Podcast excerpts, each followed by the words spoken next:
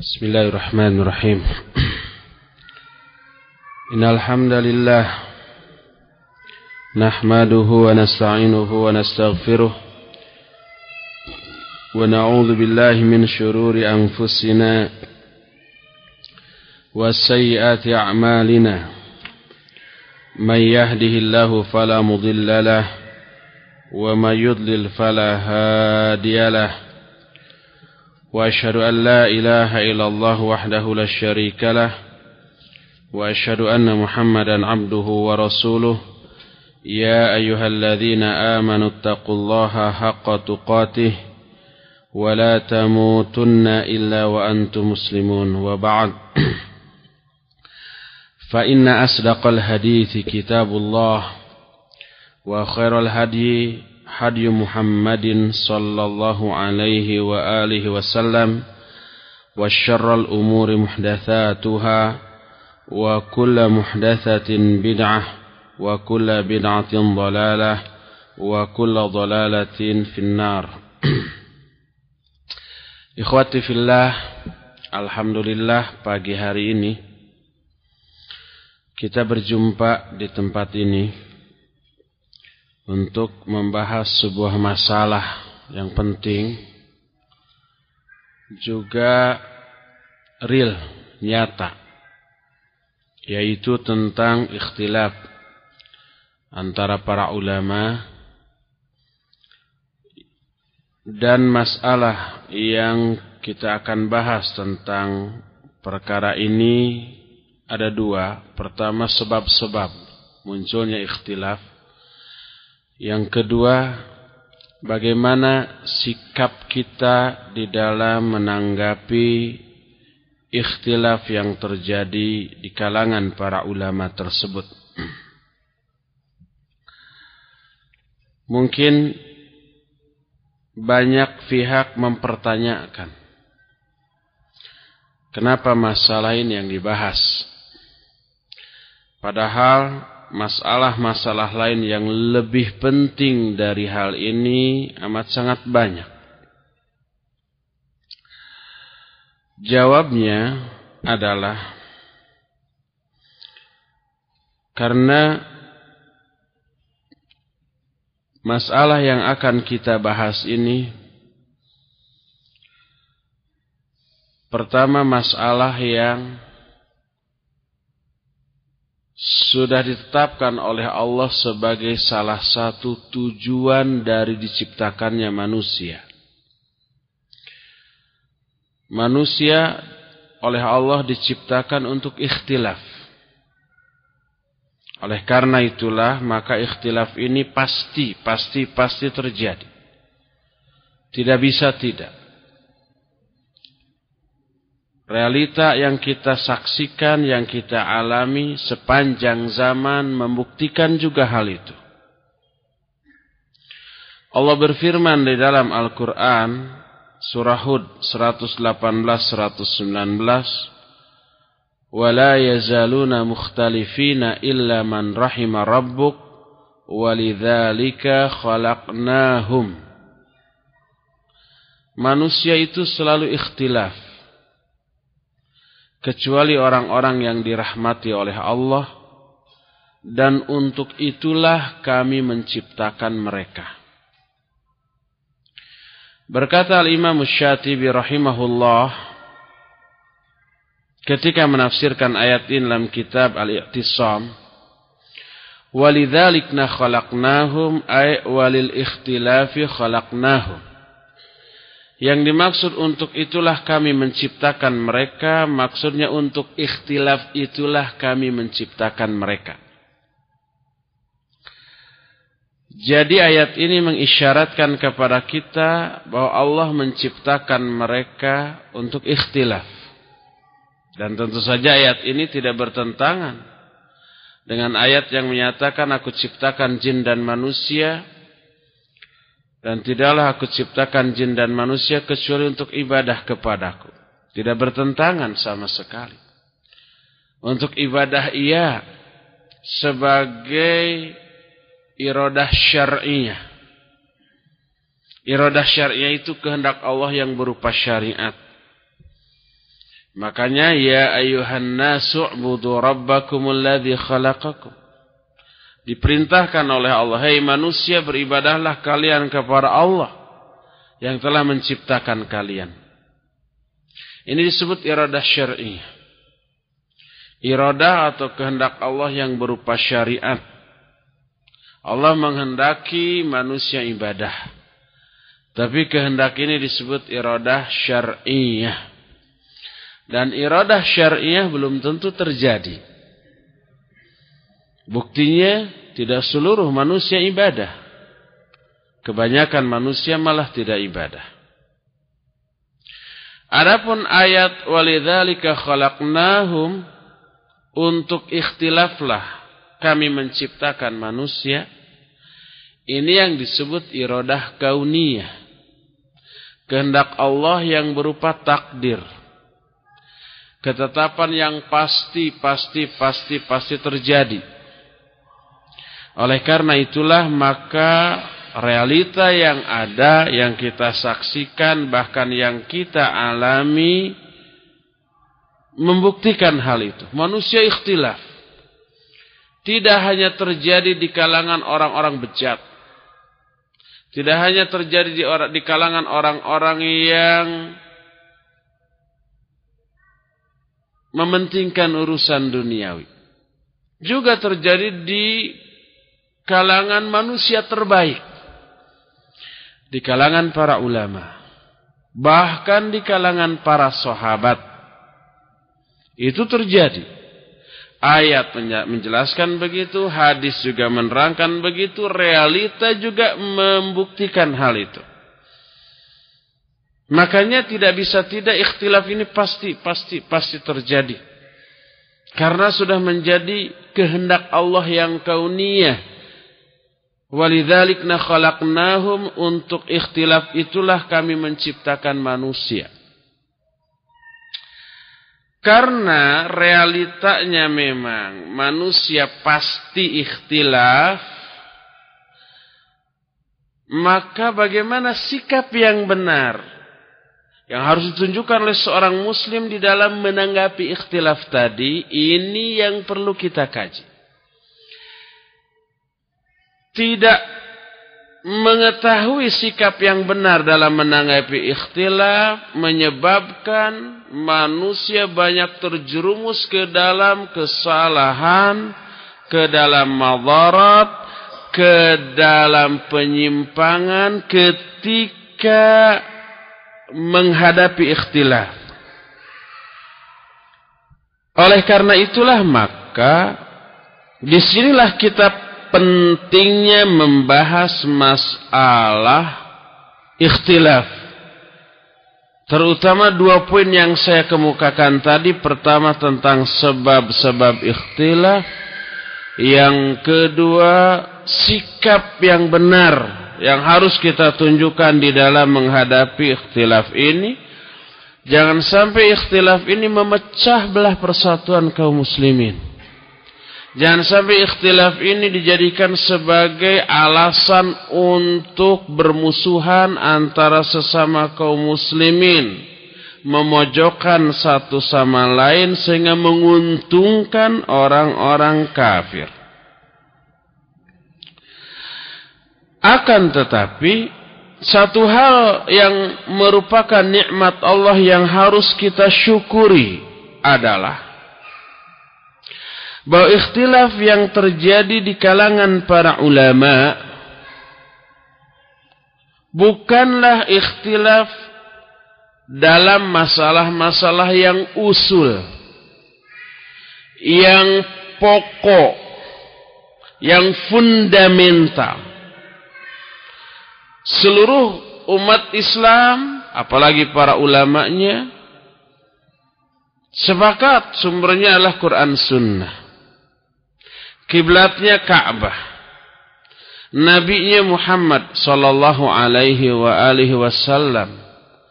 Kitab pegangannya Al-Quran dan As-Sunnah. Jumlah rokaat solat seluruhnya sama. 17 rokaat sehari semalam bagi mukim. bolehnya kasar bagi orang-orang yang musafir. Dalam hal-hal yang pokok seluruhnya sepakat. Tidak ada perbedaan. Perbedaan baru terjadi dalam masalah-masalah yang bukan usul. Yang bukan hal yang fundamental. Inilah yang perlu kita syukuri. Kemudian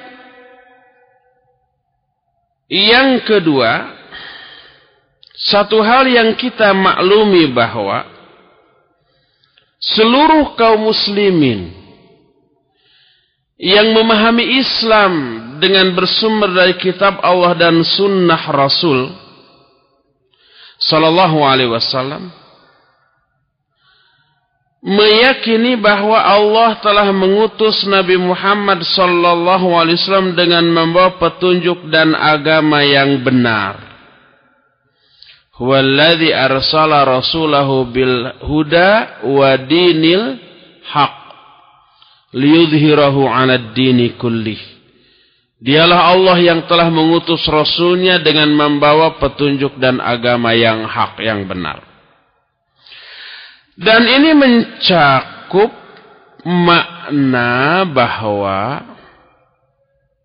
Nabi Muhammad Wasallam telah telah telah menjelaskan agama ini dengan penjelasan yang cukup. Tidak lagi membutuhkan penjelasan dari yang lain-lain. Karena al-huda atau petunjuk Maknanya adalah penjelasan yang bisa menolak kesesatan. Sedangkan dinul haq atau agama yang benar maknanya adalah menolak agama-agama lain, konsep-konsep dari agama lain ditolak seluruhnya. Oleh karena itulah maka manusia pada zaman Nabi Shallallahu Alaihi Wasallam masih hidup, ketika mereka ikhtilaf atau terjadi perselisihan faham, mereka kembali kepada Rasul Shallallahu Alaihi Wasallam ditanyakan. Lalu Nabi Shallallahu Alaihi Wasallam menetapkan hukum dalam urusan itu di antara mereka dengan ketetapan yang hak dengan ketetapan yang benar sekalipun kadang-kadang ketika ada orang bertanya kepada Nabi Shallallahu Alaihi Wasallam Nabi tidak tahu jawabannya karena permasalahan itu belum sampai wahyu Allah kepada dirinya. Bagaimana cara menjawabnya? Ketika itu beliau, kata orang Sunda mah, tidak nyanyahuanan. Tidak sok tahu menjawab dengan fikiran izihadnya sendiri. Karena ini menyangkut agama loh. Agama ini bukan karangan beliau. Agama itu dari Allah. Maka Nabi SAW terdiam, menunggu turunnya wahyu. Contoh umpamanya, Surah Al-Maidah ayat 4 mengatakan yas'alunaka madza uhilla lahum Qul uhilla lakumut thayyibat Mereka bertanya kepada engkau hai Muhammad apa yang dihalalkan bagi mereka Katakan olehmu telah dihalalkan bagi kalian semua yang toyibat. Sampai akhir dari ayat ini. Lihat juga surah Al-Baqarah 219. Allah menyatakan wa yas'alunaka madza yunfiqun qulil afwa. Kadzalika yubayyinu Allahu lakumul ayati la'allakum tatafakkarun. Mereka bertanya kepada engkau hai Muhammad, tentang apa yang harus mereka infakkan, jawab oleh kamu memberi maaf. Memberi maaf juga infak. Infak tidak hanya dengan uang, tidak hanya dengan makanan, tidak dengan harta, bisa dengan tenaga pikiran, termasuk memberi maaf orang lain berbuat salah kepada kita, kasih maaf dia. Infak itu berpahala. Lihat juga Al-Anfal ayat 1. Allah menyatakan yas'alunaka 'anil anfal. Qulil anfalu lillahi war rasul fattaqullah wa aslihu dzata bainikum. Mereka bertanya kepada engkau tentang Al-Anfal, tentang harta rampasan perang. Jawab oleh kamu, harta rampasan perang itu milik Allah dan Rasulnya. Lihat Al-Baqarah 189 yas'alunaka 'anil ahillah qul hiya mawaqitu lin-nasi wal hajj Mereka bertanya kepada engkau hai Muhammad tentang bulan peredaran bulan Jawab oleh kamu bahwa itulah waktu-waktu untuk manusia dan waktu untuk mengerjakan ibadah haji dan banyak lagi ayat-ayat yang bunyinya yas'alunaka, yas'alunaka, yas'alunaka. Mereka bertanya kepada engkau tentang ini, tentang ini, tentang ini. Nabi tidak sok tahu menjawab dengan fikirannya sendiri. Enggak, ini urusan agama. Tapi menunggu wahyu dari Allah subhanahu wa ta'ala. Sehingga seluruh pertanyaan terjawab dengan memuaskan dan pasti. Jawabannya dari Allah Subhanahu wa taala. Akan tetapi setelah Nabi sallallahu alaihi wasallam wafat ketika para sahabat ikhtilaf maka mereka tidak punya lagi tempat bertanya yang dipercaya oleh kedua belah pihak yang sedang ikhtilaf. Akan tetapi, satu hal yang wajib kita yakini bahwa tidak ada seorang pun ahli ilmu yang dipercaya ilmunya amanahnya, agamanya.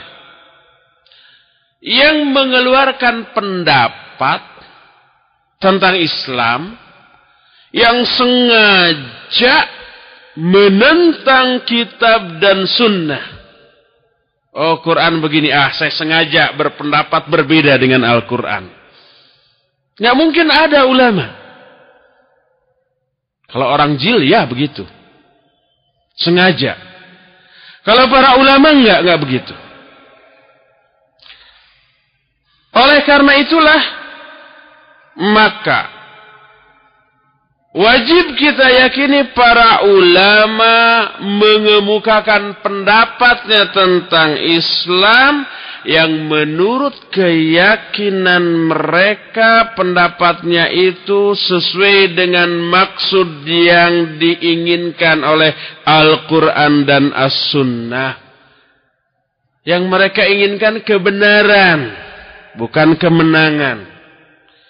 Yang mereka inginkan adalah apa yang dikehendaki oleh Allah dan Rasulnya bukan yang sesuai dengan kehendak hawa nafsu mereka. Orang yang seperti ini diyakini menurut penjelasan Al-Quran akan dimudahkan oleh Allah subhanahu wa ta'ala dalam memahaminya. Sehingga menjurus ke arah pemahaman yang benar. Allah berfirman dalam surah Al-Khamar umpama ayat 17 Allah menyatakan Walaqad yassarnal Qur'ana lidzikri fahal min mudakkirin. Sungguh kami telah mudahkan Al-Quran untuk diingat. Akankah ada orang yang akan mengambil pelajaran? Jadi orang yang tujuannya adalah kebenaran. Dia memiliki persyaratan untuk membongkar Al-Quran. Ilmunya, ketulusan hatinya. Lalu dia terapkan untuk mencapai tujuan meraih kebenaran yang diinginkan. Allah akan mudahkan orang yang seperti itu. Al-Lail ayat 5, 6, 7 menyatakan fa'amma man a'ta wattaqa wa saddaqa bil husna fasanu yassiruhu lil yusra. Adapun orang-orang yang suka memberi wattaqa dan bertakwa kepada Allah wa saddaqa bil husna dan meyakini membenarkan al husna fasanu yassiruhu lil yusra kami akan berikan jalan kemudahan bagi orang yang seperti itu ini janji Allah tapi sekalipun demikian sebagai manusia biasa Sehebat apa pun ilmu dan ketulusan para ulama, tetap aja mereka suatu saat pasti, pasti, pasti terjerumus dalam kesalahan, dalam istihadnya, dalam berpendapatnya, akan tetapi kesalahannya itu bukan dalam masalah yang usul. Usul itu yang pokok, yang fundamental, yang asasi. Dan kesalahan ini pasti teralami oleh setiap orang selain Nabi Muhammad sallallahu alaihi wasallam. Karena memang manusia diciptakan oleh Allah sebagai makhluk lemah. Allah menyatakan dalam surah An-Nisa 28, "Wa khuliqal insanu dha'ifa."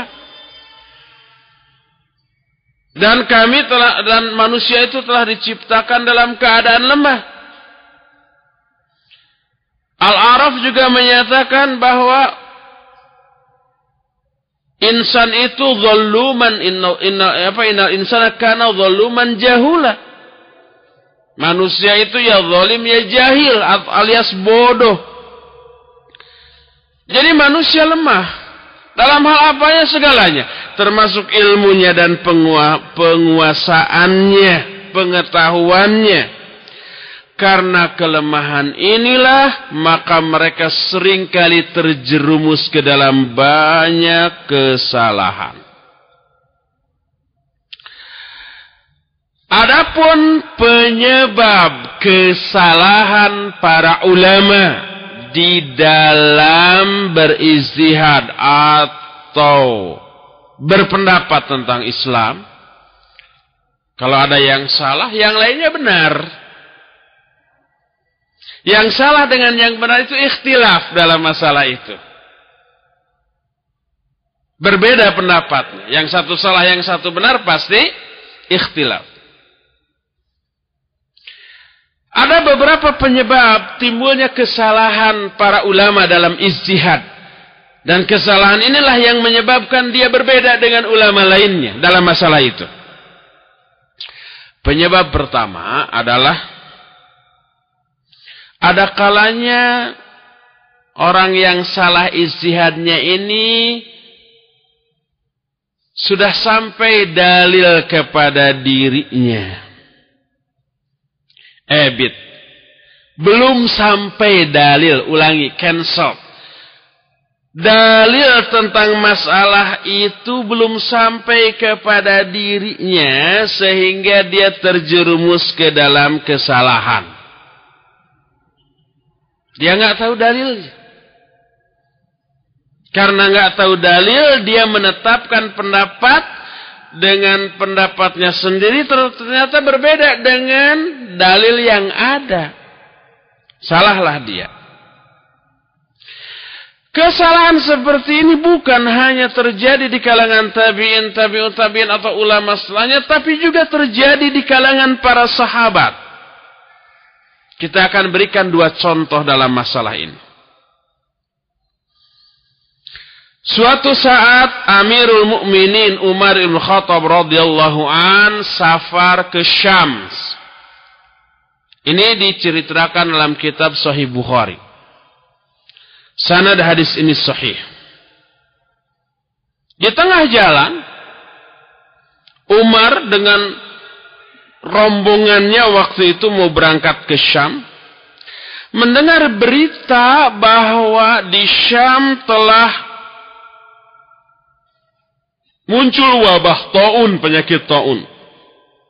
Taun itu kusta, penyakit kulit yang amat sangat mudah menular. Berhentilah mereka di tengah jalan.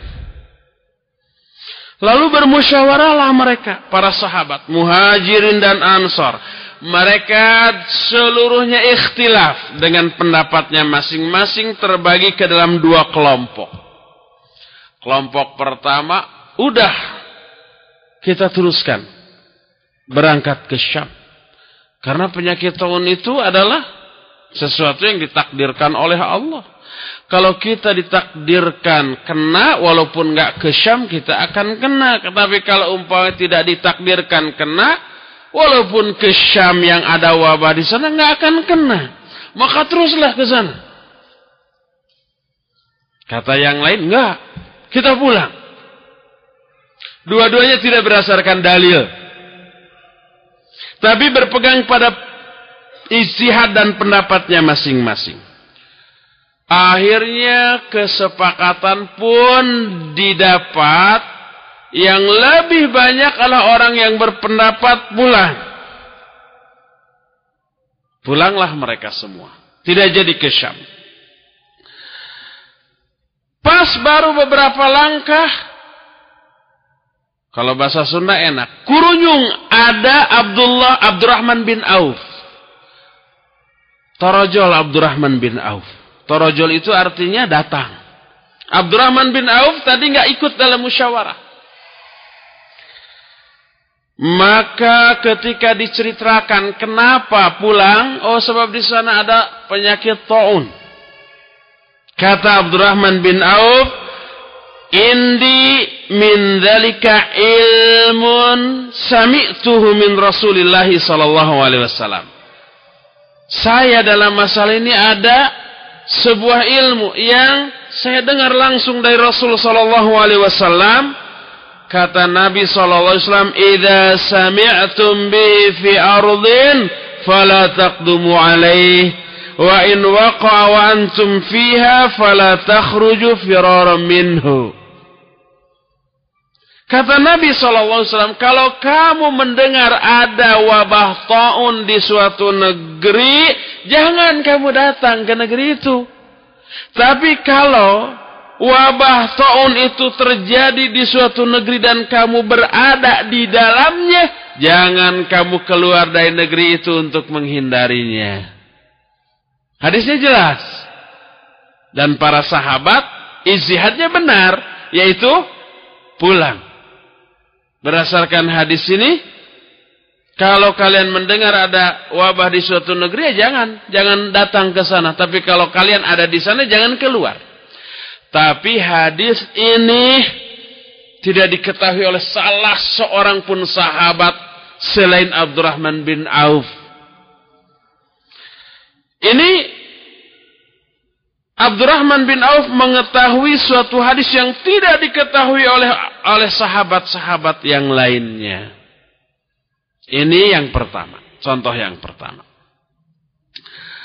Contoh yang kedua, Ali bin Abi Thalib dan Ibnu Abbas radhiyallahu anhum ajmain berpendapat bila wanita hamil di tinggal mati oleh suaminya maka masa idahnya mengambil masa idah terpanjang di antara dua masa idah yang ditetapkan oleh Al-Quran. Al-Quran menetapkan dua masa idah. Bagi wanita yang hamil. Pertama, surah At-Talaq ayat 4 menyatakan wa ulatul ahmal ajaluhunna ayyadhna hamlahunna dan wanita-wanita yang hamil hendaklah mereka menunggu untuk nikah lagi sampai mereka melahirkan apa yang dikandungnya. Ayat ini menyatakan bahwa masa idah wanita yang hamil sampai melahirkan. Walaupun usia kandungannya baru sebulan. Dia nggak boleh nikah dulu sampai melahirkan. Masak sampai ke melahirkan kan 8 bulan lagi ya. Kalau nggak prematur itu juga. Kalau normal, kadang ada yang 11 bulan. Konon kata ibu saya, saya 11 bulan. Sampai 11 bulan. Umumnya 9 bulan. Jadi nunggunya kalau usia hamilnya sebulan, nunggunya minimal 8 bulan masa idah. Tapi di dalam surah Al-Baqarah ayat 294 Allah mengatakan walladzina yutawaffawna minkum wa yadharuna azwajan yatarabbasna bi anfusihinna arba'ata ashhuri wa ashra dan orang-orang yang wafat di antara kalian. Kalian yang dimaksud di sini laki-laki. Dan mereka yang wafat itu meninggalkan istri-istrinya. Hendaklah si istri ini menunggu masa idah selama empat bulan sepuluh hari. Jadi kalau si istri Si istri umpamanya punya suami, tapi tidak hamil. Lalu suaminya wafat. Atau dicerai. Dia harus nunggu masa idah. Selama empat bulan sepuluh hari. Tapi sekarang bagaimana kalau dia dalam keadaan hamil terus dicerai, eh, dalam keadaan hamil terus ditinggal mati oleh suaminya? Maka kata Ali dan Ibnu Abbas, dia harus mengambil masa idah terpanjang antara dua tadi. Kalau usia kandungannya umpamanya delapan setengah bulan, delapan setengah bulan. Lalu suaminya meninggal. Setengah bulan kemudian melahirkan. Kalau menurut At-Tolak ayat 4 begitu melahirkan boleh nikah lagi. Walaupun baru dua pekan ya, baru setengah bulan. Kalau menurut At-Tolak ayat 4. Tapi kalau menurut Al-Baqarah 234 harus nunggu 4 bulan 10 hari. Kata Ali dan Ibnu Abbas, wanita ini harus mengambil masa idah terpanjang. Jadi kalau usia kehamilannya, usia kehamilannya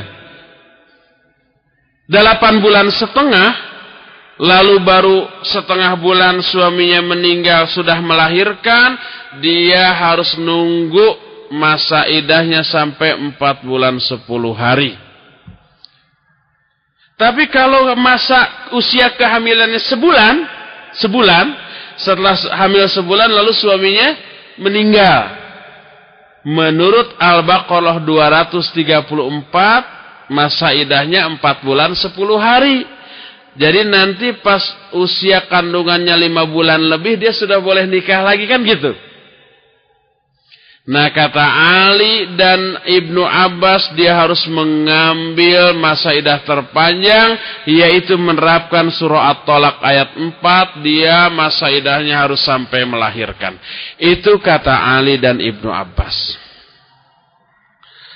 Akan tetapi hadis menyatakan berbeda dengan pendapat Ali dan Ibnu Abbas. Tapi hadis ini tidak sampai baik ke Ali maupun ke Ibnu Abbas. Sehingga Ali dan Ibnu Abbas salah dalam hal ini. Dalam salah satu hadis tentang seorang wanita namanya Subai'ah al-Aslamiyah. Dia nifas setelah kematian suaminya. Suaminya mati sehari sebelum melahirkan, besoknya dia melahirkan. Cuma sehari, cuma semalam. Maka keesokan harinya Nabi SAW langsung mengizinkan Subai'ah untuk menikah lagi. Cuma sehari masa idahnya. Karena apa? Karena dia sudah melahirkan. At-Tolak ayat 4 tadi menyatakan wanita yang hamil hendaklah menunggu sampai dia melahirkan kandungannya dan wanita Subai'ah ini sudah melahirkan kandungannya walaupun berselisih satu hari tapi keesokan harinya langsung oleh Nabi sallallahu alaihi wasallam diizinkan kembali untuk menikah ini menunjukkan bahwa Wanita-wanita hamil yang ditinggal mati oleh suaminya hendaklah menunggu sampai empat bulan sepuluh hari. Wanita-wanita yang bukan wanita hamil, ulangi. Wanita-wanita yang ditinggal mati oleh suaminya, hendaklah dia menunggu sampai empat bulan sepuluh hari. Maksudnya ini adalah untuk wanita-wanita yang tidak hamil. Tidak hamil ditinggal mati oleh suaminya. Maka empat bulan sepuluh hari. Tapi kalau dia hamil, maka masa idahnya adalah sampai dia melahirkan. Ini contoh yang kedua bahwa ada orang yang salah dalam ijtihadnya karena belum sampainya dalil kepada orang itu contohnya Ibnu Abbas dan Ali bin Abi Thalib menyatakan bahwa wanita yang hamil ditinggal mati oleh suaminya dia harus mengambil masa idah terpanjang antara dua masa idah yang ditetapkan oleh Al-Quran ternyata istihad mereka berdua ini bertentangan dengan ketetapan Rasul Sallallahu Alaihi Wasallam dalam hadis yang sahih diriwayatkan oleh Imam Al Bukhari tadi. Inilah penyebab pertama kesalahan seorang mujtahid dalam ijtihadnya yaitu karena belum sampainya dalil kepada mereka tentang masalah ini. Sebab kedua adalah kadang-kadang hadis itu sampai ke orang tersebut. Tapi orang itu tidak percaya kepada orang yang membawa dalil tadi sehingga ditolak. Sebagai contoh, sahabat Umar bin Khattab radhiyallahu an. Ada seorang wanita namanya Fatimah binti Qis radhiyallahu anha. Dia ditalak tiga oleh suaminya. Talak tiga. Lalu suaminya setelah mentalak tiga istrinya mengirim seseorang untuk memberikan nafkah selama masa idahnya. Tapi Fatimah marah dan tidak mau mengambil nafkah ini.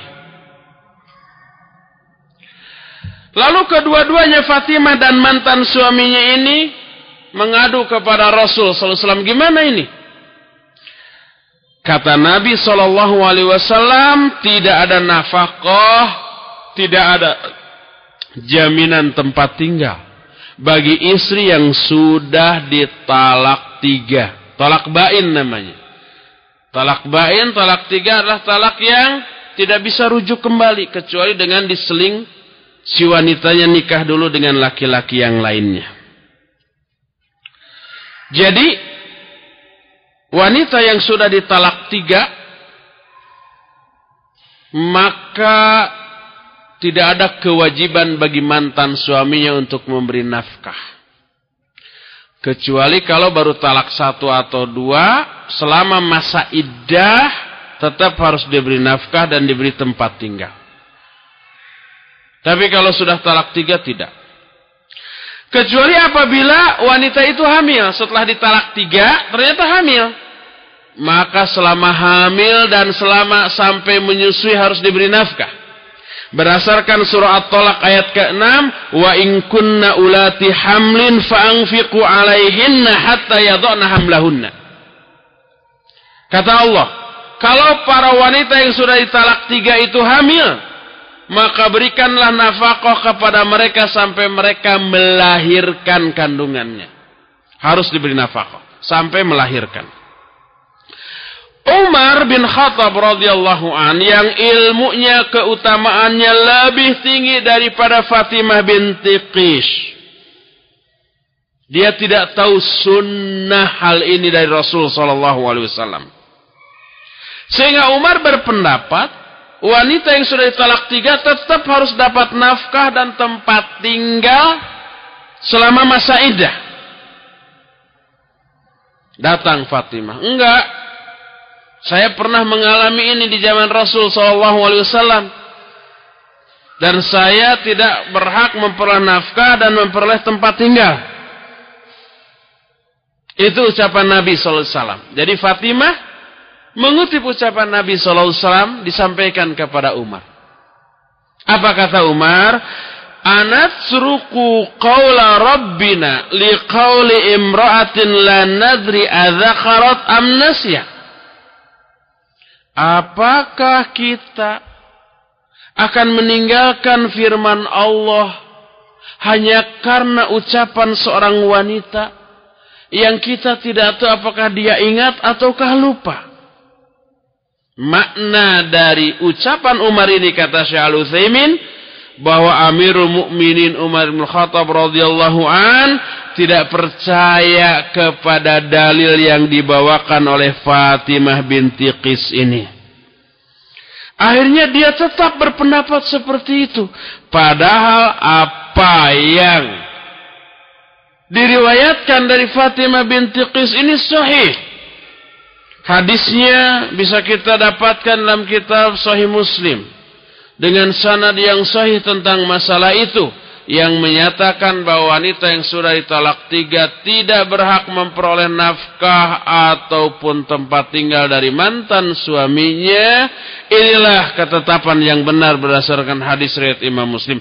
Tapi Umar kekeh petekeh tidak percaya dan berpendapat bahwa tetap memperoleh kewajiban mendapatkan nafkah dan tempat tinggal selama masa idah. Pendapat Umar dalam masalah ini salah karena bertentangan dengan hadis. Umar tahu hadis itu tapi dia tidak percaya kepada Fatimah binti Qis. Mungkin saja dia lupa, kata Umar. Makanya tetap ditolak. Inilah penyebab kedua seseorang salah dalam istihadnya yaitu dia sampai dalil kepada dirinya tapi dia tidak percaya kepada orang yang membawakan dalil tersebut. Sebab ketiga ada kalanya orang yang salah dalam istihadnya itu mengetahui hadis tentang masalah itu tapi kemudian dia lupa Karena memang manusia itu pelupa. Jangankan hadis, ayat saja lupa. Jangankan kita, Nabi SAW aja, beberapa kali dalam beberapa hadis, lupa terhadap ayat. Padahal ayat itu wahyu yang Allah turunkan kepada beliau. Tapi ini nggak boleh jadi dalil bahwa kita boleh bergembira dengan kelupaan kita terhadap ayat. Duh, saya lupa surat anu. Ah, tenang aja. Nabi juga lupa kok. Jangan, jangan seperti itu. Suatu saat Rasul Shallallahu Alaihi sholat membaca surat di tengah-tengah bacaan suratnya beliau terdiam karena lupa dan tidak ada seorang pun sahabat yang mengingatkan beres sholat Nabi SAW berkata kepada Ubay bin Ka'ab yang waktu itu sholat bersama beliau, Hala kunta dzakartaniyaha. Kenapa tadi kamu tidak mengingatkan aku tentang ayat itu? Nabi SAW lupa. Padahal ada jaminan dari Allah dalam surah Al-A'la ayat 6 dan 7. Sanuqri'uka fala tansa. Aku akan bacakan kepada kamu Al-Quran ini. Falatansa maka kamu tidak akan lupa. Illa masya Allah. Kecuali apa-apa yang dikehendaki oleh Allah. Nah, ini sesuatu yang dikehendaki oleh Allah. Nabi SAW lupa. Lupa kepada ayat. Lupa kepada rokaat sholat. Sampai disyariatkan adanya sujud sahwi. Tapi lupanya Nabi anugerah bagi kita. Apa anugerahnya? Lahir syariat, ketentuan Allah. Apa yang harus kita lakukan ketika kita lupa? Bayangkan kalau Nabi tidak pernah lupa. Sholatnya semuanya sempurna. Kita sebagai umatnya sering lupa. Pas kita lupa, aduh harus gimana nih? Gak ada syariatnya di zaman Nabi. Kan gitu, karena Nabi tidak pernah lupa. Andai Nabi tidak pernah lupa, kita bingung. Alhamdulillah Nabi dilupakan oleh Allah. Dan karena lupa itu lahirlah syariat sujud sahwi. Maka kita pun ketika lupa tidak bingung. Ah tenanglah lupa mah. Nanti ada sujud sahwi. Begitu juga ketika lupa terhadap ayat. Oh dulu Nabi juga pernah lupa terhadap ayat. Dan ketika lupa nggak bisa melanjutkan langsung ruku. Tidak lagi perlu mengulang surat lain dari awal. Itu syariat. Dalam ajaran Islam yang diberlakukan bagi umatnya yang suka lupa seperti kita. Lengkap syariat ini. Sampai ada syariat yang harus dilakukan ketika lupa. Adakah syariat seperti ini dalam agama lain? Sama sekali tidak. Jadi Lupanya Nabi membawa memberi anugerah kepada kita sekalian. Bahwa ada syariat yang harus kita lakukan ketika kita lupa. Contoh kisah Umar dengan Ammar bin Yasir radhiyallahu anhum. Kisah Umar dengan Ammar ini bisa kita temukan dalam kitab Sahih Bukhari. Suatu saat Ammar bin Yasir dengan Umar berangkat diutus oleh Nabi Shallallahu Alaihi Wasallam. Di tengah jalan mendadak dua-duanya bareng-bareng junub. Dan dipastikan junubnya karena mimpi. Karena mereka berdua tidak bawa istri masing-masing. Dujunub dua-duanya. Adapun Ammar dia beristihad dan berpendapat bahwa kalau tidak ada air bersucinya itu dengan tanah. Bersuci dengan tanah kata dia sama dengan bersuci dengan air. Akhirnya dia berguling-guling di tanah seperti berguling-gulingnya binatang. Lalu dia sholat. Adapun Umar tidak wudhu karena tidak ada air apalagi mandi. Juga tidak tayamum karena nggak tahu ada syariat tayamum. Juga tidak berguling-guling seperti Amar. Dan juga tidak sholat. Umar tidak sholat. Kemudian setelah kedua-duanya sampai di Madinah, kedua-duanya datang kepada Rasul Sallallahu Alaihi Wasallam. Lalu Nabi SAW mengajari cara yang benar. Kata beliau, Innama kana yakfika antakula biyadaika hakada.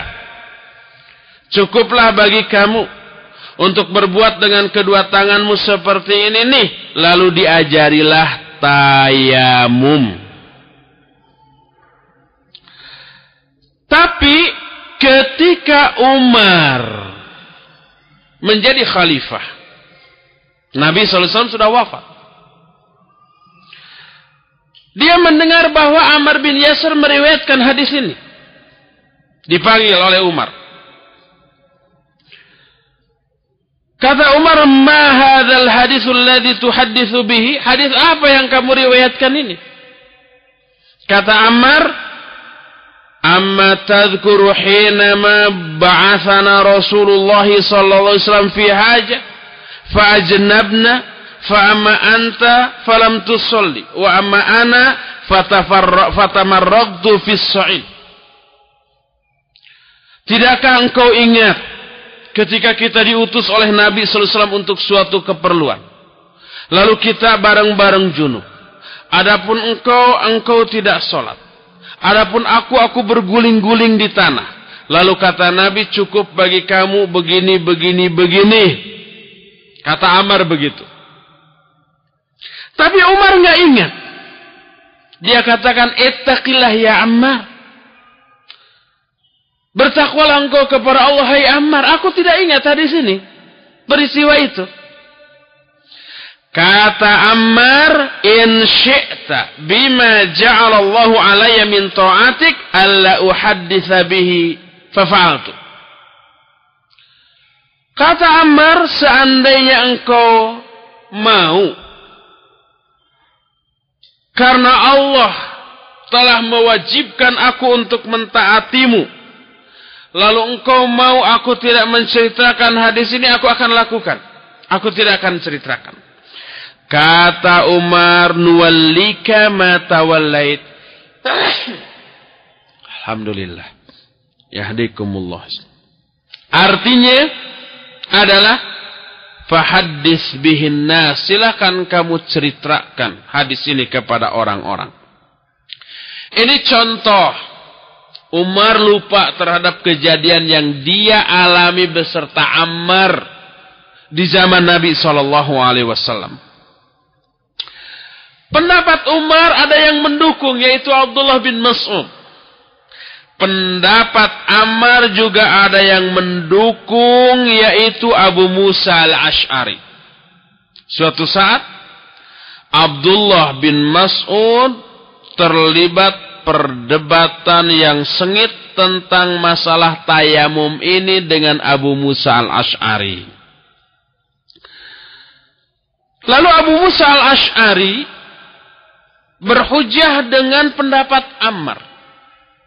Bukankah Ammar dulu dengan Umar begini, begini, begini? Kata Abdullah bin Mas'ud, Alam taro anna Umar lam yakna biqauli Ammar? Bukankah Umar tidak percaya, tidak menerima ucapan Ammar ini? Abdullah bin Mas'ud tetap berpegang kepada pendapat Umar. Umar menyatakan tidak ingat kepada kejadian itu. Kata Abu Musa, da'na min Ammar. Sudah kita tinggalkan saja ucapan Ammar.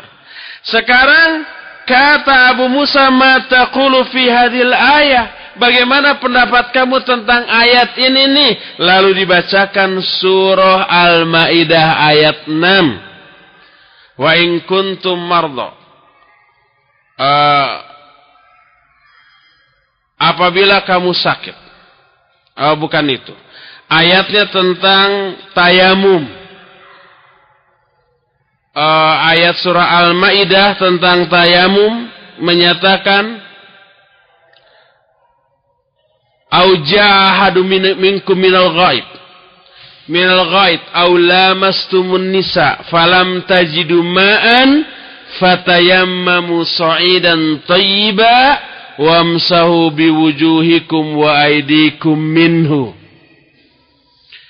Kata Allah di dalam surah Al-Maidah ayat yang ke-6 ini kalau kalian junub atau kalian habis buang air besar atau kalian habis bersentuh dengan kalau kalian sakit atau habis buang air besar atau kalian habis berhubungan dengan istri kalau lalu kalian tidak memperoleh air maka bertayamumlah dengan tanah yang baik Nah ini ayat ini bagaimana menurut engkau?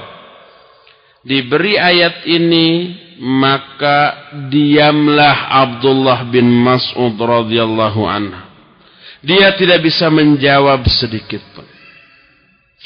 Ini sebagai salah satu contoh bahwa orang yang istihadnya salah disebabkan karena dia lupa terhadap hadis yang mungkin sampai kepada dirinya. Contohnya seperti Umar tadi. Inilah penyebab yang ketiga. Seseorang salah dalam beristihad bukan karena tidak sampai dalil. tapi dia lupa terhadap dalil yang sudah sampai kepadanya. Penyebab yang keempat. Ada kalanya hadis itu sampai kepada orang itu. Tapi dia memahaminya secara salah. Ayat itu sampai kepada dia, hadis itu sampai kepada dia dan dia percaya hadisnya sahih dan benar, tapi dia salah memahaminya. Akhirnya salah istihadnya. Ada dua contoh dalam masalah ini. Pertama, dari Al-Quranul Karim. Ada ayat Al-Quran surah An-Nisa 43. Kata Allah, "Wa in kuntum mardha aw 'ala safarin aw jaa minkum minal ghaid aw lamastumun nisa falam tajidu ma'an fatayammamu sa'idan thayyiba." Hampir sama lafadznya dengan Al-Maidah ayat 6, tapi ada perbedaan. Dan apabila kalian sakit atau sedang musafir atau habis BAB atau kalian menyentuh perempuan lalu kalian tidak menemukan air hendaklah kalian bertayamum dengan tanah yang baik Para ulama ikhtilaf tentang makna aula mastumun nisa, kalian menyentuh perempuan. Ada tiga pendapat. Pendapat pertama asal menyentuh. Termasuk Noel sengaja atau tidak sengaja. Baik perempuan itu istrinya ataupun wanita yang selain istrinya apalagi. Pokoknya begitu menyentuh, wah sudah batal. Ini pendapat pertama. Pendapat kedua menyatakan bahwa yang dimaksud menyentuh di sanalah menyentuh dengan syahwat. Kalau menyentuh tanpa syahwat, enggak, enggak batal. Tapi kalau menyentuh dengan syahwat, batal. Ini pendapat kedua. Pendapat yang ketiga yang dimaksud dengan menyentuh dalam ayat itu adalah jima. Mengadakan hubungan dengan istri. Dan pendapat terakhir inilah pendapat yang dipegang oleh Ibnu Abbas radhiyallahu anhu. Mana di antara tiga pendapat ini yang benar? Ayatnya sama itu-itu juga pemahamannya yang berbeda. Kata Syekh kalau kita perhatikan ayat ini dari segala segi ditunjang dengan ayat lain dan hadis-hadis sahih yang ada tentang masalah itu, pemahaman yang benar adalah yang ketiga. Menyentuh di sana maksudnya jima' Karena apa? Karena dalam ayat ini Allah menerangkan dua jenis toharoh dengan air. Yaitu toharoh dari hadas kecil dan toharoh dari hadas besar. Toharoh dari hadas kecil itu, hadas kecil itu hadas-hadas yang hanya mewajibkan wudhu, tidak wajib mandi. Contoh BAB, BAK, BA, dan yang sejenisnya. Itu tidak wajib mandi. Itu hanya cukup berwudhu saja. Adapun kalau wajib mandi, itu disebut hadas besar. Seperti jima. Baik keluar sperma atau tidak. Atau keluar sperma baik jima ataupun tidak. Atau haid dan nifas. Seperti itu. Itu hadas besar. Ayat tadi menyatakan Idza qumtum ila shalah faghsilu wujuhakum wa aydiyakum wa aydikum ila wa aydiyakum ila al-marafiq wamsahu bi ru'usikum wa arjulakum ilal ka'bain. Tentang bersuci dari hadas kecil Allah mewajibkan berwudu. Kata Allah, basuhlah wajah kalian, kedua tangan kalian sampai sikut, usaplah rambut ke kepala kalian, dan cucilah kedua kaki kalian sampai dua mata kaki. Itu dari hadis itu hadas kecil dengan berwudu. Adapun setelah menjelaskan wudu karena hadas kecil, Allah kemudian menjelaskan wu, cara bersuci dari hadas besar. Kata Allah wa in kuntum junuban fattoharu. Kalau kalian junub maka bersucilah. Nah, Al-Quran, Al-Quran mengandung nilai sastra yang tinggi. Dalam bahasa Arab disebut balaghah dan bayan. Kalau dikatakan oleh Allah kalau kalian sakit atau safar atau habis BAB atau menyentuh perempuan lalu tidak memperoleh air maka bertayamumlah. Kalau yang dimaksud dengan menyentuh perempuan ini adalah menyentuh biasa tidak wajib mandi gitu ya? Tidak wajib mandi. Berarti ini semua hanyalah hadas-hadas kecil BAB hadas kecil. Menyentuh perempuan hadas kecil. Lalu hadas besarnya mana? Nggak, di, nggak dijelaskan kalau begitu dalam ayat ini. Berarti ayat ini tidak mencakup seluruh permasalahan. Berarti ayat ini kurang balaghah. Dan ini tidak mungkin. Oleh karena itu lamastum di lamastumun nisa pasti ini hadas besar. Dan hadas besar tidak mungkin karena Noel hungkul. Apa Noel tuh begini? Nyolek aja. Kalau nyolek kan tidak wajib mandi. Berarti hanya hadas kecil. Berarti kewajiban tayamum bila tidak ada air hanya berlaku bagi, hadas kecil saja. Hadas besarnya tidak berlaku. Dan ini menunjukkan kekurang lengkapan ayat ini. Kalau ayat ini difahami bahwa lamas tumun nisa di sana menyentuh perempuan biasa. Hanya menyentuh biasa, bukan jima. Ini menunjukkan bahwa yang benar lamastum di sana adalah jima. Ini tiga pendapat. Dan yang benar adalah yang menyatakan menyentuh perempuan di sini maksudnya jima.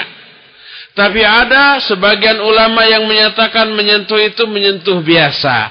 Dia memahami ayat ini dengan pemahaman yang tidak sesuai yang dimaksud oleh Allah subhanahu wa ta'ala. Dalilnya sampai. Tapi dia salah faham. Sehingga dia ikhtilaf dengan pendapat ulama lainnya yang benar. Ini contoh yang pertama tentang per, uh, penyebab timbulnya perbedaan. Yaitu salah di dalam memahami dalil. Contoh pertama dari Al-Quran. Contoh kedua dari hadis. Suatu saat Nabi Shallallahu Alaihi Wasallam mengutus serombongan sahabat untuk berangkat ke Bani Quraidah. Sebelum berangkat Nabi berpesan. Kata beliau, La yusalliyanna ahadul asra illa fi Bani Quraidah. Janganlah salah seorang pun di antara kalian sholat asar kecuali nanti di Bani Quraidah. Itu kata Nabi Shallallahu Alaihi Wasallam. Berangkatlah sahabat ini. Di tengah jalan asar sudah datang, waktu asar sudah datang. Sahabat ikhtilaf. Kata yang sebagian kita harus sholat asar sekarang di sini, walaupun tidak sampai ke Bani Quraidah. Karena kewajiban sholat asar itu Harus dilakukan di awal waktu dan tidak boleh diakhirkan. Adapun kata Nabi kamu tidak boleh sholat asar kecuali di Bani Quraidah. Maksudnya asar tuh kita harus sudah sampai di Bani Quraidah. Tapi karena ada halangan asar belum sampai masih di tengah jalan. Itu kata sekelompok sahabat. Kelompok sahabat lain menyatakan enggak, saya enggak akan sholat di sini. Kata Nabi, jangan sholat asar kecuali nanti di Bani Quraidah. Walaupun sudah sampai di sana malam. Bunyi hadisnya sama. Tapi yang berbeda adalah pemahaman. Mana pendapat yang benar kata Syekh al yang benar tidak diragukan lagi adalah yang sholat di awal waktu. Karena apa? Karena nas-nas hadis bahkan ayat yang mewajibkan sholat pada waktunya maksudnya di awal waktu nasnya muhkamah jelas tegas tandas eces. Atra jentre tandas gamblang. Nah itu. As-salatu ala waktiha aqimus salat wasolawatil wusta. Wasolatil wusta. Aqimus sholat wasolatil wusta. Salat wusta itu salat asar. Itu ayat dan hadis yang menyuruh kita salat asar di awal waktu gamblang jelas tegas. Sorry muhkam. Adapun ucapan Nabi jangan kalian salat asar kecuali di Bani Quraidah ini mustabah samar. Maka yang muhkam, yang gamblang harus lebih didahulukan daripada yang samar. Adapun ucapan Nabi jangan sampai kamu sholat asar kecuali di Bani Quraidah. Maksudnya cepat kamu asar tuh sudah sampai di sana. Jangan terlambat di tengah jalan. Jadi hadisnya sama. Tapi orang salah faham terhadap hadis ini.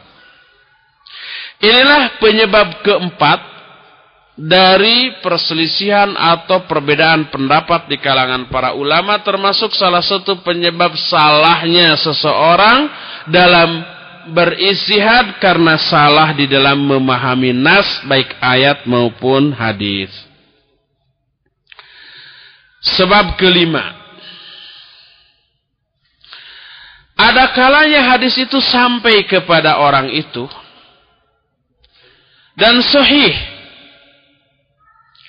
tapi dia tidak tahu bahwa hadis sahih tersebut telah dimansuh. Dimansuh itu artinya sudah dihapus. Sudah dibatalkan ketentuan hukumnya. Tapi dia tidak tahu bahwa itu dimansuh. Contoh. Ini bukan terjadi di kalangan tabi'in, tabi'un tabi'in atau generasi seterusnya di kalangan sahabat juga ini sudah terjadi. Contoh Abdullah bin Mas'ud radhiyallahu an. Di awal-awal perintah salat ada ketentuan ketika ruku bahwa ketika ruku ini kedua tangan ini ditatbik, disatukan Lalu ketika ruku disimpan di tengah-tengah antara kedua lututnya. Di awal-awal Islam begitu. Tapi kemudian ketetapan ini dimansuh oleh Nabi Shallallahu Alaihi Wasallam. Diganti dengan kedua tangan itu harus diletakkan di atas kedua lutut dengan jari-jari yang direnggangkan. Kemudian telapak tangannya disimpan di batok lutut. Itu yang terakhir sampai Nabi selesai wafat dan sampai sekarang begitu. Tapi awal-awal Islam, kedua tangan dirapatkan dan disimpan di tengah-tengah kedua lutut. Kebayang ya? Rukunya jadi tidak tidak tumanina. Karena tidak si kedua tangan tidak menyangga kedua lutut akhirnya kalau lama cangkel. Pegel, kesel. Tapi itulah yang terjadi di awal-awal perintah sholat. Suatu saat Abdullah bin Mas'ud sholat dengan Al-Qamah dan Al-Aswad. Pas ketika ruku, Abdullah bin Mas'ud menyatukan kedua tangannya dan menyimpan di antara kedua lututnya. Tapi dua sahabatnya Al-Qamah dengan Al-Aswad meletakkan kedua tangannya di atas kedua lututnya. Beda. Seusai sholat dilarang oleh Abdullah bin Mas'ud. Kenapa kalian begitu? Yang benar begini nih. Abdullah bin Mas'ud tidak mengetahui itu sudah dimansuh. Sama halnya kita pernah membahas dalam kitab Bulughul Maram bab tentang khusyuk di dalam sholat.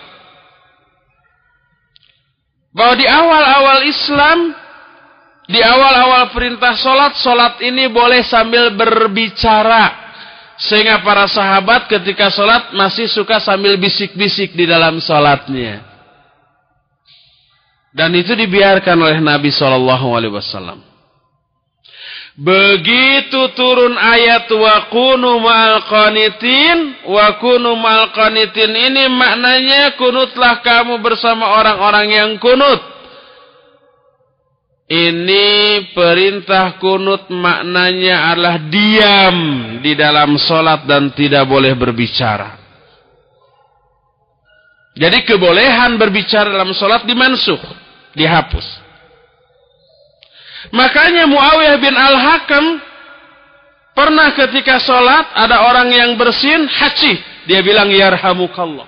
Dipelototi oleh sahabat lain. Nggak enak dia. Ngapain kan masya'nukum tanzuruna ilayya? Ada apa kalian melihat-lihat kepadaku? Dia ngomong dalam sholatnya. Dia belum tahu itu dimansuh.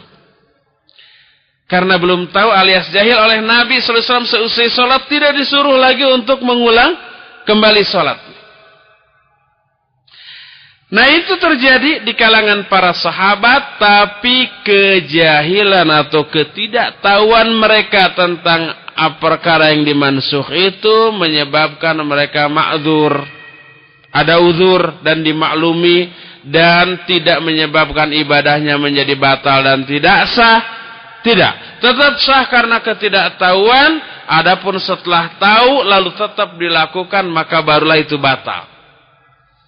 Antum upaya sekarang sholat. Nanti bukan sekarang. Zuhur. Lalu ketika zuhur itu. Ngomong datang Ikhwan. Kenapa antum terlambat sholat? Gitu. Batal sholatnya karena apa? Sudah tahu bahwa itu membatalkan sholat. Wah Muawiyah juga Muawiyah bin, bin Al-Hakam nggak batal. Dia ketika itu belum tahu. Tapi setelah kasus itu kalau dia mengulang lagi batal. Inilah penyebab yang kelima dari ikhtilaf yang terjadi di kalangan para ulama. Keenam.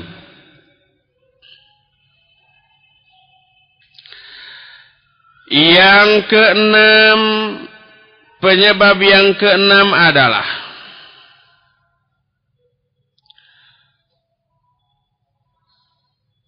Orang yang beristihad dengan istihad yang salah itu karena berpegang kepada hadis yang doif.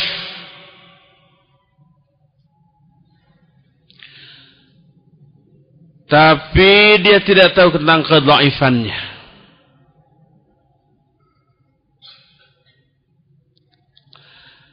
Sebagai contoh, Syekh Muhammad bin Saleh Al-Utsaimin rahimahullah memberikan contoh yang gamblang yang nyata. Yang terjadi yang waki, yaitu tentang sholat tasbih. Banyak orang melakukan sholat tasbih. Tapi dia tidak tahu bahwa hadis yang dipegangnya dhaif. Bahkan lebih hebat lagi daripada itu banyak orang melakukan ibadah hanya berpegang kepada hadis maudhu, hadis palsu. Oh, contoh-contoh tentang masalah ini banyak. Nah, sebentar lagi sekarang kan bulan Rajab ya, sebentar lagi Rajab ya. Eh, Sa'ban. Nah, Sya'ban. Sekarang Rajab, nanti sebentar lagi Sya'ban. Ada saum Rajab segala macam. Ada sholat Rajab, ada nanti sholat nisfu Sya'ban.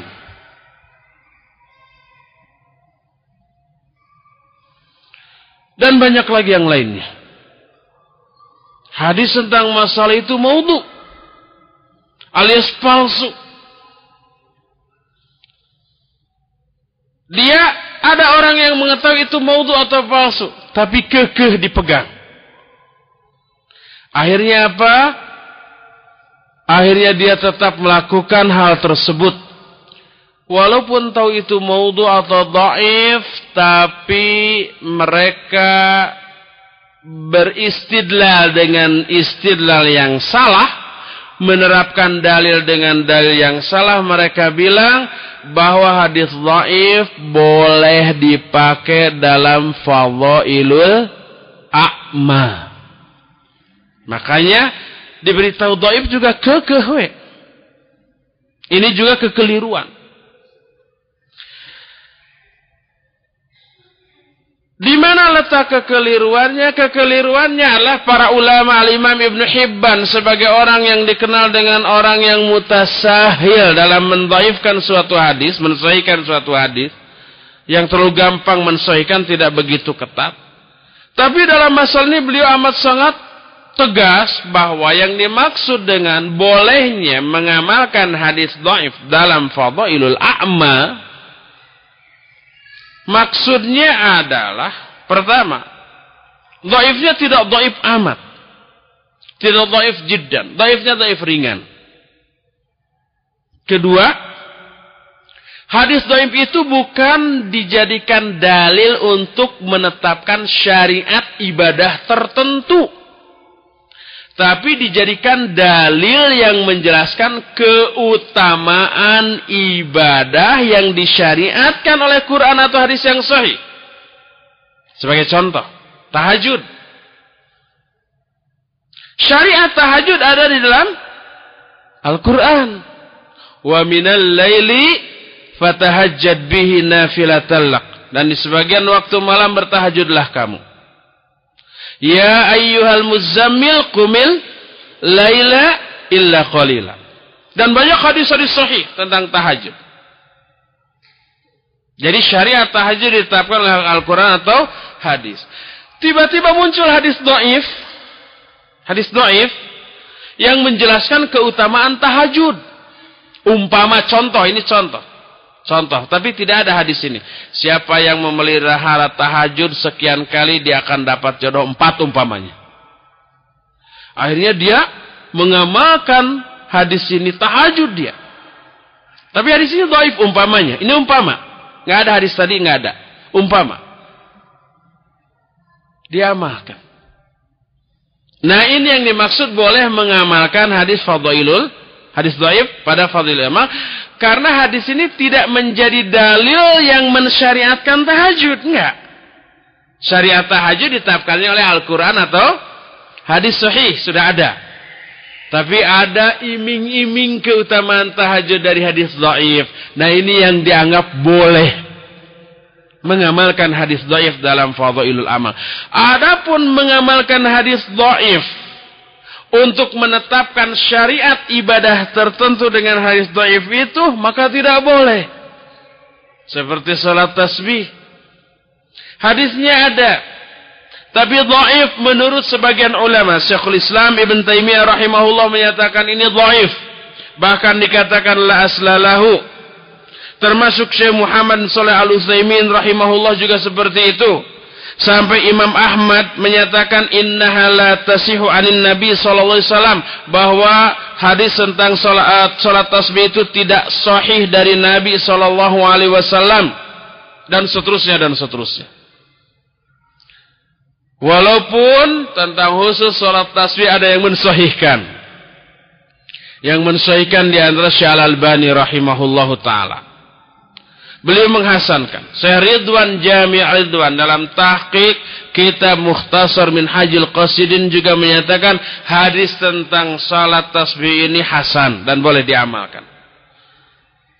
Oleh karena itu ini ikhtilaf di kalangan para ulama karena ikhtilaf di dalam menilai sahih tidaknya suatu hadis. Dan inilah termasuk sebab yang keenam dari timbulnya ikhtilaf antara para ulama. Ketujuh Penyebab ketujuh adalah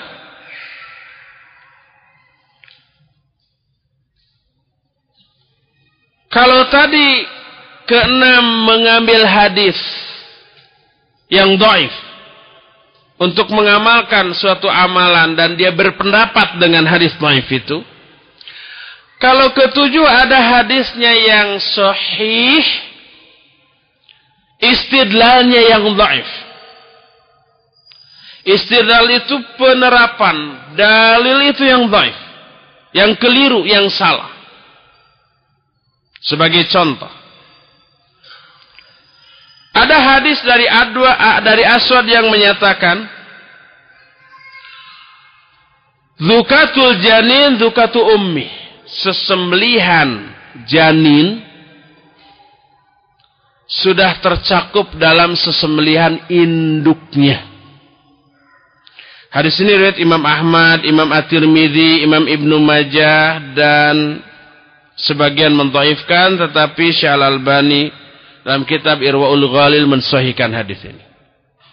Jadi kalau Allah binatang betina hamil lalu disembelih sesembelihan untuk induknya itu sudah mencakup sesembelihan anaknya. Jadi anaknya nanti tidak perlu disembelih lagi. Makan saja. Tentu saja dimasak sebelumnya. Tapi nggak perlu disembelih lagi. Karena dia sudah mati dengan sembelihan yang dilakukan kepada induknya. Itu pemahaman yang benar dari hadis itu. Bahwa sesembelihan terhadap janin sudah tercakup dalam sesembelihan induknya. Akan tetapi sebagian orang ada yang salah dalam memahami hadis ini. Dia menyatakan makna dari hadis itu adalah Zakaul janin kadzakai ummih bahwa sesembelihan untuk janin persis seperti sesembelihan untuk ibunya. Jadi cara menyembelih janin itu harus sama dengan cara menyembelih ibunya induknya. Sehingga kata dia, kalau ada induknya yang hamil lalu disembelih, anaknya juga, si janin yang dikandungnya juga harus disembelih. Ini kekeliruan di dalam memahami suatu hadis. Itu salah satu contoh. Contoh lain, nah ini yang banyak. Dan menjadi ikhtilaf di kalangan para ulama, para ustadz, para ikhwan dan akhwat. Yaitu ketika turun ke sujud. Ada yang dua tangan dulu, ada yang dua lutut dulu. Hadisnya sama. Tapi pemahaman dari hadis itu yang berbeda. Dan banyak lagi contoh-contoh yang lainnya yang menjelaskan tentang perbedaan pendapat di kalangan para ulama disebabkan karena hal-hal yang tadi. Ikhwan dan akhwat yang ingin mengetahui penyebab-penyebab lain dari timbulnya perbedaan pendapat bisa dibaca tulisan Syekhul Islam Ibn Taimiyah dengan judul Raf'ul Malam Anil A'immatil A'lam ah, yang ada di saya aslinya kalau nggak salah ini juga sudah ada terjemahannya ya yang menerjemahkan Ustadz eh, kawan saya yang juga pernah ke Bandung ini dengan judul kalau nggak salah kepribadian ulama atau apalah kayak gitulah. Di sana dijelaskan tentang beberapa penyebab timbulnya perpecahan atau perbedaan pendapat di kalangan para ulama. Dan banyak lagi penyebab-penyebab lainnya yang tidak kita ungkapkan di dalam pertemuan ini. Akan tetapi sikap kita di dalam menanggapi perbedaan pendapat itu harus bagaimana? Satu hal yang harus kita ketahui bersama adalah kita wajib tahu diri. Siapa kita? Di mana posisi kita dalam masalah ini? Manusia dalam masalah ini ada tiga kelompok. Kelompok pertama alimun. Razaqahullahu ilman wa fahman. Kelompok pertama adalah orang alim yang diberi rizki berupa ilmu dan pemahaman oleh Allah. Mereka lah para ulama. Mereka lah ahli waris para nabi. Al-ulama warasatul anbiya. Kedua, talibul ilmi. Indahu minal ilmi. Walakin lam yablugh darajata dhalikal ulama' Kedua, talibul ilm, para penuntut ilmu. Dia memiliki ilmu, tapi ilmunya tidak cukup untuk membuat dia mampu beristihad. Kita rata-rata maksimal level ini nih. Dia, tidak ada di antara kita yang level pertama tadi, muzdahid. Yang memiliki ilmu yang memadai untuk istihad. Yang ketiga amil la yadri syai'a. Yang ketiga orang awam yang tidak berilmu apa-apa kecuali amat sangat sedikit sekali. Ini tiga kelompok manusia. Adapun yang pertama yaitu para ulama dia harus dan wajib beristihad sesuai dengan kemampuan ilmu yang mereka miliki.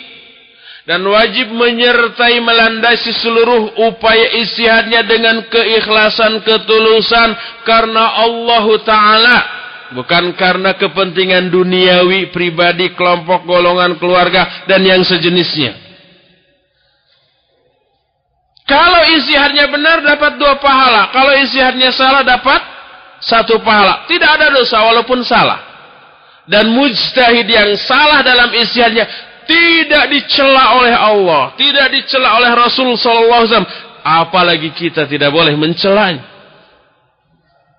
Mereka mujtahid, ilmunya memadai, keikhlasannya juga tidak diragukan lagi.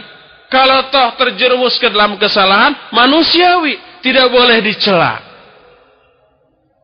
Umpamanya, kita tahu Imam Ash-Syafi'i rahimahullah menyatakan kunut subuh itu sunnah. Ulama lain menyatakan bid'ah. Kita tahu alasan Imam Syafi'i mensunahkan kunut subuh. Hadis menyatakan Nabi kunut nazilah sebulan. Lalu ditegur oleh Allah. Setelah itu dia tinggalkan. Illa fi salatil fajri kana yaknutu hatta faraqad dunya kecuali pada waktu sholat subuh beliau tetap kunut sampai meninggal dunia. Kata Imam Syafi'i ini hadisnya makanya kunut.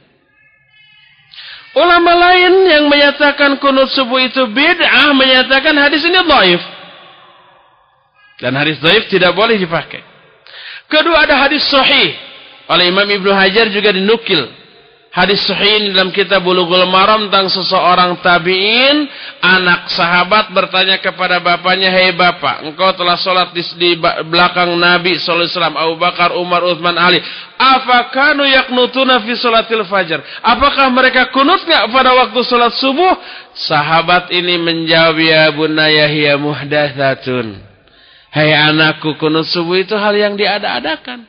Fa inna kulla muhdatsatin bid'ah. Setiap yang diada-adakan itu adalah bid'ah. Hadis ini kata Syekh Waliullah Ad-Dahlawi tidak sampai kepada Imam Syafi'i. Makanya Imam Syafi'i itu tidak berdalil dengan hadis ini. Tapi diyakini kalau ini sampai beliau pasti akan rujuk. Sampai kata Imam Syafi'i, beliau menyatakan in sahal hadis fahuwa madhabi. Kalau ada suatu hadis sahih itulah madhabku. Ketika ada seseorang bertanya kepada Nabi kepada Imam Syafi'i, Bagaimana pendapat tentang hadis ini? Kata beliau sahih. Apakah engkau berpendapat dengan hadis ini? Maka memerahlah wajah Imam Syafi'i. Kemudian beliau menyatakan, Aro'aitani kharajtu minal kanisa. Apakah engkau melihat aku keluar dari gereja? Apakah engkau melihat di pinggangku ada zunar? Zunar itu sabuk yang biasa dipakai oleh para pendeta. Aku mengatakan suatu hadis yang sahih, lalu engkau bertanya apakah aku berpendapat dengan hadis sahih ini? Aku jawab, ya ala ala ra'si wal ain. Ini susah diterjemahkannya. Tapi dalam bahasa Sunda ada eta hadis disuhun dina embun-embunan. Itu menunjukkan dianggap amat sangat tinggi, diagungkan. Ketika ditanya apakah engkau berpendapat dengan dengan hadis ini apa enggak? Oh marah, ya iya dong. Masa enggak enggak berpendapat dengan hadis ini? Kalau itu sahih. Oleh karena itu kata Syekh Waliullah Ad-Dahlawi hadis ini tidak sampai kepada Imam Syafi'i. Seandainya sampai pasti beliau akan berpegang kepada hadis ini. Oleh karena itu sebagian uh, para ulama menyatakan dalam kasus ini Imam Syafi'i istihadnya salah. Tapi sesalah apa pun beliau seorang mujtahid agung. Ulama besar. Tidak boleh dicelak karena kesalahannya. Karena semua manusia pasti pernah bersalah dan tetap kita wajib untuk memuliakan dan menghormatinya sesuai dengan kadar kehormatan dan kemuliaan yang beliau miliki berdasarkan ilmu dan keikhlasannya. Jadi yang pertama mustahid ulama-ulama harus beristihad tidak boleh taklid. Adapun yang kedua Talabul ilm, tulabul ilm, para penuntut ilmu yang ilmunya belum sampai pada taraf mujtahid. Maka dia wajib menelaah pendapat para ulama yang ditelaahnya beserta dalil-dalilnya. Dia tidak boleh beristihad karena ilmunya belum cukup. Sebab amat sangat mungkin dia tahu satu dua hadis tentang masalah itu. Lalu dia istihad dengan dua hadis yang dia ketahui. Padahal hadis lain yang masih juga berbicara tentang itu masih banyak. Yang tidak dia ketahui. Hadis tentang masalah itu ada 20 yang dia ketahui cuma 5. Akhirnya dia menetapkan hukum dengan keterbatasan ilmunya. Dia keliru, dia salah. Kesalahannya double. Pertama, dia memaksakan diri melakukan pekerjaan yang bukan haknya. Yang kedua, kesimpulan akhir dari ke, dari pendapatnya yang ternyata keliru. Double ganda kesalahannya. Nah inilah yang saya katakan kita harus tahu diri. Kalau kita bukan mujtahid, jangan istihad. Ikuti penjelasan para ulama, telaah mereka. Ada ikhtilaf, ditelaah ikhtilafnya mana yang lebih kuat itu yang kita ambil. Jangan sampai level kita lalu istihad mengotak-atik kaidah, mengotak-atik ayat dan hadis akhirnya kesimpulannya berbeda dengan kesimpulan para ulama. Dan ketika kita bentrokan antum berpendapat begitu kok para ulama begini. Oh, para ulama itu uh, tidak berdasarkan ayat dan hadis. Kata mereka. Loh, para ulama berdasarkan apa ya? Berdasarkan paririmon gitu? Kalau saya ini hadisnya, ini ayatnya jelas. Ente berpegang kepada ulama. Kita katakan, kita bukan berpegang kepada ulama, tapi berpegang kepada ayat dan hadis menurut pemahaman para ulama. Kalau saya berpegang, um, berpegang pada pendapat antum, sama aja dengan berpegang kepada Quran dan hadis menurut pendapat antum. Nah, yang harus kita ikuti pemahaman ayat dan hadis menurut pemahaman ahlinya, para ulama. Fas'alu ahla dzikri in la ta'lamun. Bertanyalah kalian kepada ahlinya kalau kalian tidak tahu. Yang ahli dalam masalah ini adalah para ulama. Ini kelompok kedua. Adapun kelompok ketiga yaitu orang awam, maka mereka wajib bertanya kepada ahli ilmu. Tidak boleh istihad. Tidak boleh menelaah karena menelaahnya juga harus dengan ilmu. Maka yang harus dia lakukan adalah bertanya, bertanya dan bertanya, belajar, belajar dan belajar. Inilah yang saya katakan tadi, kita harus tahu diri. Di mana posisi kita dan siapa kita. Kalau posisi kita sebagai talibul ilm, jangan beristihad. Apalagi sebagai orang awam. Kalau umpah kita memposisikan diri sebagai mujtahid, yuk kita uji dulu. Di mana? Sampai di mana kualitas keilmuan orang yang mengaku diri mujtahid? Benar enggak? Jangan sampai dia ini tidak tahu atau tidak berilmu, tapi dirinya tidak tahu bahwa dia itu tidak tahu. Ini yang disebut dengan jahil murakkab, bodoh kuadrat yang didefinisikan oleh para ulama huwa la ya'lamu wa huwa la ya'lamu annahu la ya'lamu. Dia ini tidak tahu, tidak berilmu, tapi dia tidak tahu bahwa dirinya itu tidak tahu. Agak ngerti enggak? Dia ini tidak berilmu alias bodoh, tapi dia tidak tahu bahwa dirinya itu bodoh. Dia merasa pintar, dia merasa berilmu, padahal bodoh. Akhirnya dia istihad dengan kebodohannya. Ini yang amat sangat keliru, salah. Nah nanti insya Allah pada sesi yang kedua, Ba'da zuhur, kita akan menjelaskan bagaimana sikap yang benar dari diri seorang muslim di dalam menanggapi ikhtilaf yang terjadi di kalangan para ulama. Untuk sesi yang pertama ini kita hanya bisa menjelaskan beberapa sebab terjadinya ikhtilaf uh, di kalangan para ulama dan juga termasuk juga salahnya orang dalam beristihad. Uh, insya Allah di sesi yang kedua kita akan lanjutkan dengan sikap yang benar dari seorang muslim menanggapi ikhtilaf yang terjadi di kalangan para ulama. Untuk sesi pertama ini kita cukupkan dulu sampai di sini. Kita break dulu sampai selesai sholat zuhur dan mungkin makan siang. Kita akan mulai kira-kira Jam berapa? Jam 1 ya? Ya. Sekian saja dulu. Subhanakallahum bihamdik. Asyhadu an la ilaha illa anta astaghfiruka wa atubu ilaik. Walhamdulillah rabbil alamin.